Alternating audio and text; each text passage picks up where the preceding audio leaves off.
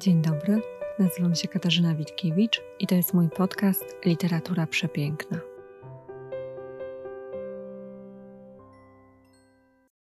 Dzień dobry Państwu. Tym razem zabieram się za temat, który został wybrany na moim Instagramie. Jest to Szklany klosz Sylwii Plath. Książka kultowa, czyli taka, wokół której narosła pewna legenda i która została uznana przez czytelników za książkę ważną, być może nawet reprezentatywną. Ja nie mam żadnej wątpliwości, że przyczyną popularności tej książki jest postać autorki, a nie sam tekst.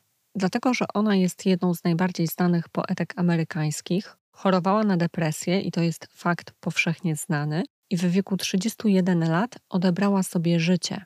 Sylwia była wtedy już matką, miała dwoje małych dzieci i zamknęła je w osobnym pokoju. Później zabezpieczyła drzwi taśmą uszczelniającą, a potem przygotowała dla nich śniadanie, zostawiła na stole i odkręciła gaz w kuchence. Włożyła głowę do tej kuchenki. Dzieci bawiły się za drzwiami i tak zakończyło się jej życie. Mówię o tym tak szczegółowo nie bez powodu, bo skąd ja znam te szczegóły? I czy to dobrze, że wszyscy właściwie mogą je poznać? Bo one są tak powszechne i tak często przywoływane, że to też pokazuje, że właśnie mamy do czynienia z legendą.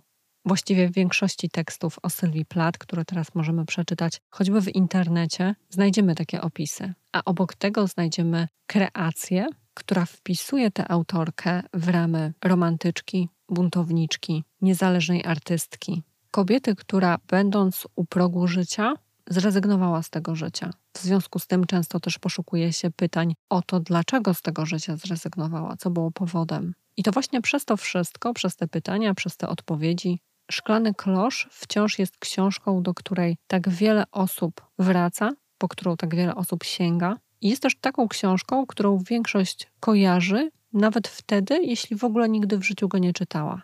Gdy ja czytałam Szklany Klosz po raz pierwszy, to byłam mniej więcej w wieku głównej bohaterki, Esther Greenwood. Ona w tej książce ma 19 lat, ma świat u stóp, jest bardzo młoda, dostała właśnie stypendium, jest na stażu w popularnym piśmie modowym. To jest taka praca marzeń dla młodej kobiety. Tym bardziej, że dzięki temu zaczyna poznawać wielkie miasto, bo akcja Szklanego Klosza toczy się w Nowym Jorku i w Bostonie. Ester biega z redakcji do redakcji, na imprezy, na konferencje, na bankiety, z hotelu do hotelu, ale cały czas czuje się przytłoczona i bezradna wobec tego świata. Zaczyna mieć myśli samobójcze, później podejmuje próby samobójcze, bierze pod uwagę rozmaite sposoby odebrania sobie życia. Potem trafia na leczenie do zamkniętego ośrodka i jest tam leczona elektrowstrząsami. I to, co teraz powiedziałam, nam wystarczy. To jest taki fabularny skrót. Szczegóły oczywiście pomijam, gdyby ktoś był przed lekturą. One zresztą nie będą dla nas teraz takie ważne. Ważne natomiast z mojego punktu widzenia jest to, że trzeba zaznaczyć, że chociaż wydarzenia są przytłaczające i sama tematyka książki jest taka dość ciężka, to ona wcale ciężka nie jest. Ja sobie nawet teraz, przygotowując ten odcinek, wynotowałam, że wydawcy reklamują Szklany Klosz zdaniem Szklany Klosz to podróż do najmroczniejszych i najbardziej przerażających zakamarków ludzkiej psychiki i jest to trochę mylące. Trzeba o tym pamiętać, bo jeśli ktoś będzie się spodziewał po tym opisie czegoś bardzo przytłaczającego, gęstego, takiego dusznego i też trudnego psychicznie do uniesienia, bo są takie książki, które ciężko nam podźwignąć jako czytelnikom, to tam niczego takiego nie ma. Ta książka jest wręcz lekka, w takim sensie, że Sylwia Plath ani się nad sobą nie użala, ani nie stosuje ozdobników. Jej język jest taki ascetyczny, ten styl pisania jest właśnie bardzo lekki. Co więcej, ta książka, zwłaszcza w pierwszej części, jest bardzo zabawna i ironiczna. Ma wiele takich momentów właśnie typowych dla spojrzenia młodej dziewczyny na świat, kiedy naprawdę możemy być zdziwieni, że oto czytamy książkę reklamowaną jako najbardziej duszną, depresyjną i przytłaczającą. W drugiej części książki jest nieco inaczej. Ta pierwsza jest zresztą moim zdaniem lepsza, bo później nieco nam siada tempo fabuły. I nawet nie chodzi mi tutaj o bieg wydarzeń, tylko właśnie o ten styl pisarki. Będzie oczywiście kilka takich momentów, które będą wprawiały czytelnika w dyskomfort. To będą na przykład opisy elektrowstrząsów, ale raz jeszcze podkreślam, że nie jest to tak ciężka proza, na jaką wskazuje legenda. Warto wziąć na to poprawkę. Myślę też, że inaczej będą czytać tę książkę osoby młode albo takie osoby, które podobnie jak ja kiedyś już czytały Szklany Klosz i po prostu teraz do niej wracają. Bo gdybym ja teraz przeczytała Szklany Klosz po raz pierwszy, a jestem w połowie czwartej dekady życia, to tak szczerze mówiąc, ja nie byłabym ani zachwycona, ani zdołowana od kawałek całkiem dobrej książki, ale nie jakiejś arcyważnej. I mówię cały czas o tekście, czyli o książce, jako o osobnym bycie. Bo to, co oczywiście jest autentycznie przerażające, to jest cały konstrukt autobiograficzny, bo my wiemy, że nie dość, że Sylwia Plath opiera to wszystko na własnych doświadczeniach, to jeszcze wiemy, że miesiąc po napisaniu tej książki ona zmarła śmiercią samobójczą. I to właśnie to sprawiło, że Szklany Klosz obrósł taką legendą i że też był tak wiele razy interpretowany na rozmaite sposoby. Ja wspomniałam na początku, że Sylwia Plath była rozpatrywana jako ostatnia romantyczna buntowniczka czy feministka. Wielokrotnie analizowano nawet figurę jej matki, bo ona pojawia się w szklanym kloszu i czuć wyraźnie, że między matką a główną bohaterką jest jakaś zadra, jakiś zatarg. Krytyka literacka oczywiście poszła tym tropem, dopatrując się tam różnych rzeczy. Tutaj oczywiście wjechał Freud, bo on się często pojawia, jak jest matka Potem figurę matki rozpatrywano w kontekście zastąpienia jej figurą psychoterapeutki, bo Ester nie dogadywała się z matką, ale za to jej psychoterapeutka otoczyła ją taką wyrozumiałością i troską. Ale to są takie ścieżki, które nie są dla mnie specjalnie interesujące, tym bardziej, że one wybiegają poza sam tekst, czyli po prostu trzeba grzebać w historii, w biografii, analizować jej relacje z matką, które też są zaznaczone w dziennikach, zastanawiać się, jaki wpływ ona miała i na powstanie tej książki, i na jej percepcję, dlaczego opublikowała listy, bo matka Sylwii Plath zdecydowała się na opublikowanie ich prywatnej korespondencji, oczywiście odpowiednio przygotowanej do druku. Tam pojawiają się takie pytania, co ona chciała w ten sposób osiągnąć, czy chciała się wybielić, ale tak jak mówię, to są rzeczy nienależące do dzieła. A ja zazwyczaj analizuję tekst w taki sposób, że samej sobie przypominam, że książka to książka i że tekst powinien bronić się sam. I to niestety prowadzi mnie do takiej refleksji, że szklany klosz jest dźwigany siłą legendy, a nie siłą słowa. To z jednej strony. A z drugiej strony twórczość Sylwii Plath to znacznie więcej niż ten szklany klosz i ona też cierpi na tej legendzie, bo ona miała talent literacki. On też nie miał szans, aby dojrzeć, aby nam się pokazać, bo 30 lat to co to jest za wiek. I przez to, że patrzymy na nią jak na autorkę szklanego klosza, to często umyka jej twórczość poetycka, bo Sylwia Plath pisała wiersze. Te wiersze są dużo ciekawsze niż sam szklany klosz. Jej talent widać też w dziennikach. One nie są równe, momentami są takie dość nużące, ale można w nich znaleźć wiele ciekawych myśli i wiele takiej melancholii, która jest kojarzona z Sylwią Plath, która też mi się z nią kojarzy. Ta melancholia mnie do niej zresztą najbardziej przyciągała. W jej dziennikach jest wiele pięknych zdań. Jest na przykład takie zdanie: Dlaczego nie mogę wypróbować różnych dróg życia, jak sukienek, żeby zobaczyć, w której mi najlepiej? To jest taki motyw, który powraca tam nieustannie, na rozmaite sposoby. I wiele tam jest takich sentencji. Sporo też jest o tym, w jaki sposób Sylwia Plath pisała, jak wyglądał jej warsztat, jak też wyglądały jej twórcze rozterki, jej niemoc twórcza, jak starała się to przezwyciężyć. Między tym wszystkim są zapiski i o miłości, i o codzienności. Jest taki fragment o tym, jak znalazła poranione piskle i zabrała je do domu. Jakie to było dla niej poruszające, jak potem do tego wracała. Ten portret, który mamy w dziennikach, pokazuje nam osobę o niezwykłej wrażliwości. Ale wracajmy już do tematu głównego, bo niezależnie od dzienników i od legendy i od tego, jakim talentem dysponowała Sylwia Plath, mamy tekst, który powinien się bronić sam. I kiedy mówiłam o tej książce na moim Instagramie, to powiedziałam, że warto o niej pomyśleć w kontekście filozofii Gilles Deleuze. On często bywa nazywany ostatnim wielkim filozofem francuskim. I idę o zakład, że mało kto z Państwa w ogóle o nim słyszał. I wcale się nie dziwię, bo on miał to nieszczęście, że za bardzo nie zajmował się mainstreamem, czyli na przykład postmodernizmem, tylko realizował swój własny projekt filozoficzny, w związku z czym nawet na studiach filologicznych mówi się raczej o jego koledze, Derridzie, a o nim się nie mówi. A jedną z jego bardziej znanych prac jest taki tekst Krytyka i klinika. On się składa z 17 artykułów poruszających zagadnienie związków literatury z obłędem czy szaleństwem, jakkolwiek to nazwiemy. Każdy artykuł w tej serii dotyczy innego autora i bohaterami są Platon, Whitman, Sylwii Plath oczywiście tam nie ma, ale to nam zupełnie nie przeszkodzi, żeby wykorzystać ten tekst w toku naszej analizy. To, co będzie dla nas najbardziej istotne z perspektywy tego odcinka, to to, że dla Gilles Deleuze szaleństwo autora, a więc także choroby psychiczne, było mniej istotne od szaleństwa struktury językowej. On sobie upodobał szczególnie takie nietypowe formy realizacji językowej, jak na przykład mamy w Ulisesie Jamesa Joyce'a. I przez to wolał, aby szaleństwo było zawarte w języku. Najlepiej, aby ten język był osobny, unikatowy. To jest taka poststrukturalistyczna koncepcja literatury. A to, czy sam tekst mówi o szaleństwie i chorobie, czy ona była tematem, to było dla niego zupełnie nieważne. Obłęd miał być widoczny w strukturze, a nie w treści. Mam nadzieję, że to jest zrozumiałe. Tak mówiąc bardzo łopatologicznie, jeżeli bierzemy dzieło, to mamy czuć obłęd autora, dlatego że on posługuje się niebywałym, osobnym, zupełnie obłędnym językiem, a nie dlatego, że pisze nam, że miał depresję. Forma, a nie treść.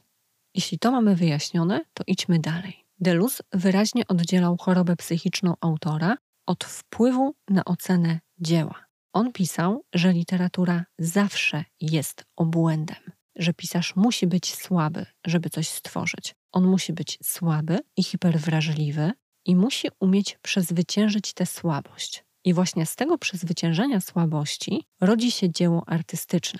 W związku z czym Deleuze wymagał od autorów, by w obliczu swojej choroby odsunęli ją na bok, właśnie przezwyciężyli i zajęli zdrową perspektywę. Nawet teraz, gdy o tym mówię, to czuję, że już to brzmi jak szaleństwo. W tym zresztą czai się trochę Nietzsche z tą jego wolą mocy ponad wszystko inne. I co ja chcę przez to powiedzieć? Otóż dwie rzeczy. Po pierwsze, możemy przyjąć, zgodnie z naszą wiedzą, że Sylwia Plath była chora, bo my wiemy, że ona była chora, wiemy, że chorowała na zaburzenia afektywne dwubiegunowe, wiemy, że zmagała się z depresją. Jest nawet coś takiego jak efekt Sylwii Plath, nie wiem, czy to jest w tej chwili zbadane. Jeszcze jakiś czas temu to była koncepcja niepotwierdzona. To jest koncepcja, która miała mówić o tym, że poeci są bardziej podatni na zaburzenia psychiczne. Ale to tak zupełnie na marginesie, bo to mi właśnie teraz gdzieś otworzyło taką szufladkę z tą wiedzą w głowie.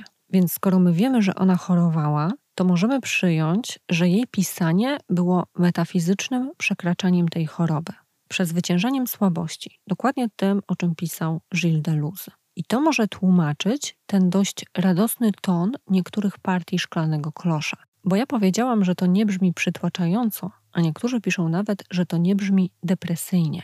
Jeśli przypomnimy sobie o tej koncepcji, o tym, że autor nawet w obliczu ogromnego kryzysu psychicznego powinien zająć zdrową perspektywę i o szaleństwie mówić strukturą, a nie tekstem, to to nam będzie się całkiem spinać.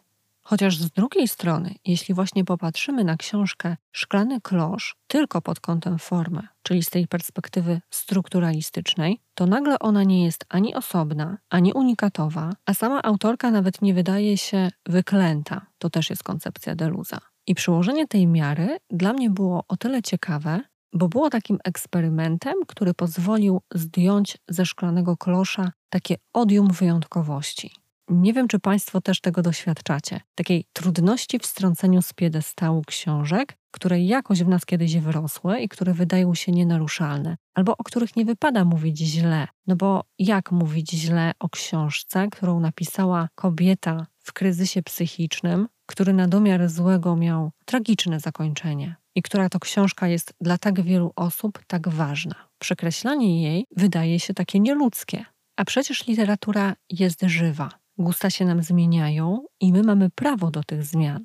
Mamy też prawo rewidować nasze własne poglądy. A kiedy ta rewizja wynika z dokształcania czy poszerzania naszych horyzontów myślowych, to pozostaje się tylko cieszyć, bo u mnie ta rewizja wynikała właśnie stąd, że kiedy miałam 19 lat, to zachłysnęłam się może nie tyle treścią, tylko tym, że to było dla mnie zupełnie nieznane, te rejony, w których ona się poruszała, bo to była młoda kobieta u progu życia, której świat kładł się do stóp, a też w tak młodym wieku, bo 19 lat to jest piękny młody wiek, W tym wieku wszelkie smutki, wszelkie problemy wydają się w pewien sposób pociągające. Wtedy nawet nieszczęśliwa miłość wydaje się czymś fantastycznym.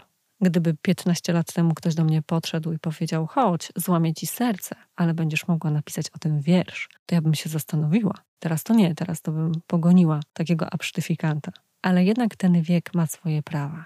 I kiedy tak teraz czytam tego Gilles Deleuze, on zresztą też jest bardzo ciekawą postacią, ale też jest postacią tragiczną, bo chorował i kiedy choroba odbierała mu już możliwość pracy i coraz bardziej upośledzała jego układ oddechowy, to on wyskoczył z okna. Więc podobnie jak Sylwia Plath zmarł śmiercią samobójczą, to kiedy go teraz czytam, to też zastanawiam się, na ile możliwe jest ocenianie szklanego klosza bez aspektu autobiograficznego. Czy jako powieść szklany klosz broni się sam, czy my potrafimy go czytać bez aspektów autobiograficznych? Raczej nie, bo trudno to po prostu oddzielić. Tak na poziomie czystych skojarzeń. Jeśli wiemy, kim była Sylwia Plath, to gdzieś tam ta wiedza z tyłu głowy zawsze będzie. Ale jeśli spróbujemy ocenić samą powieść, to przypuszczam, że jej wartość będzie zależna od tego, czego my w powieściach albo w tej konkretnej powieści szukamy. Dla człowieka siedzącego pod szklanym kloszem, znieczulonego na wszystko, zatrzymanego w rozwoju jak embrion w spirytusie,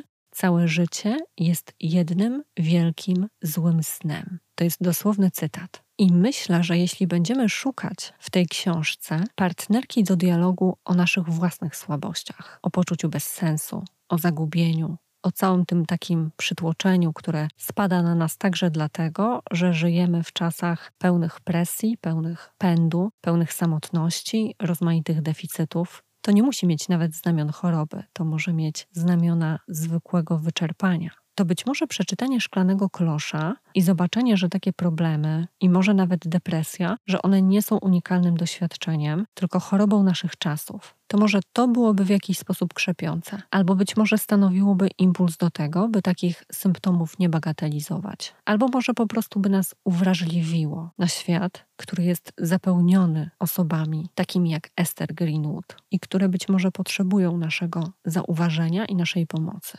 Do mnie niektóre fragmenty szklanego klosza bardzo trafiają.